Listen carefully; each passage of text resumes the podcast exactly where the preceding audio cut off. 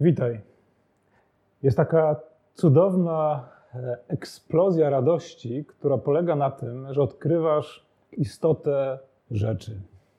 Jest taka radość, kiedy temat, z którym się zmagasz i który cię męczy, a to jest ważny temat, bo to jest temat relacji z ukochanymi osobami, to jest temat relacji z Bogiem, to jest temat wiary, religii, e, gdzie mnożą się jakieś pytania, mnożą się komplikacje, jakieś takie pełne udręki, rozkminy. Nagle przychodzi błysk światła i wiesz o co chodzi.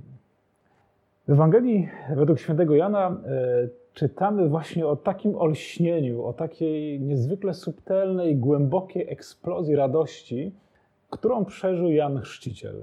Jak wiemy, Jan e, to jest człowiek, który był surowym prorokiem e, i on wcale nie ułatwiał tym, którzy jakoś się wahali, czy pójść za Bogiem, czy przyjąć Go, czy nie, którzy mieli ochotę gdzieś tam troszeczkę jeszcze pogrzać miejsce w swoich jakichś krainach iluzji, jakiegoś zła, w którym siedzieli, on ich bardzo gwałtownie do tego przywoływał, żeby poszli za Bogiem. Więc Jan jest człowiekiem surowym. E, ten sam Jan na pustyni wymagał od e, samego siebie. I jest taki moment, kiedy odchodzą powoli od niego uczniowie, Jan zostaje sam. Cały czas domyślamy się, że on myśli o tym, co się tutaj dzieje, kim jest ten Jezus. On wcześniej sądził, że Mesjasz, który przyjdzie, dokona sądu, że Mesjasz, który przyjdzie, przesieje pszenicę, odsieje od plew i spali plewy w ogniu nieugaszonym. On wcześniej myślał o Mesjaszu, że to jest ten, który przyjdzie i będzie jak siekiera przyłożona do korzeni drzew, żeby uschnięte drzewo wyrąbać. I kiedy tak jest z tą tajemnicą Jezusa, nagle dociera do niego, o co chodzi, co jest istotą w ogóle przyjścia Mesjasza, na którego czekał. Bezpośredni kontekst jest następujący. Jakiś wierzący Żyd zaczyna się sprzeczać i kłócić o oczyszczenia rytualne.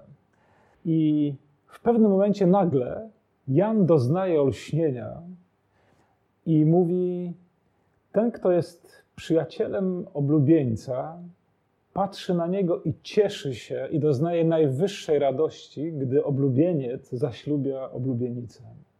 Nagle dotarło do Jana, że to, co jest sensem wiary, sensem przyjścia Mesjasza, to jest miłość.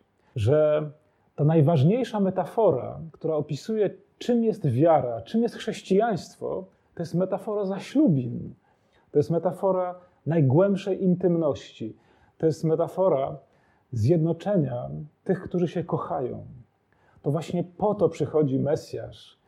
I to jest sensem chrześcijaństwa, to jest sensem każdej religii zjednoczenie w miłości.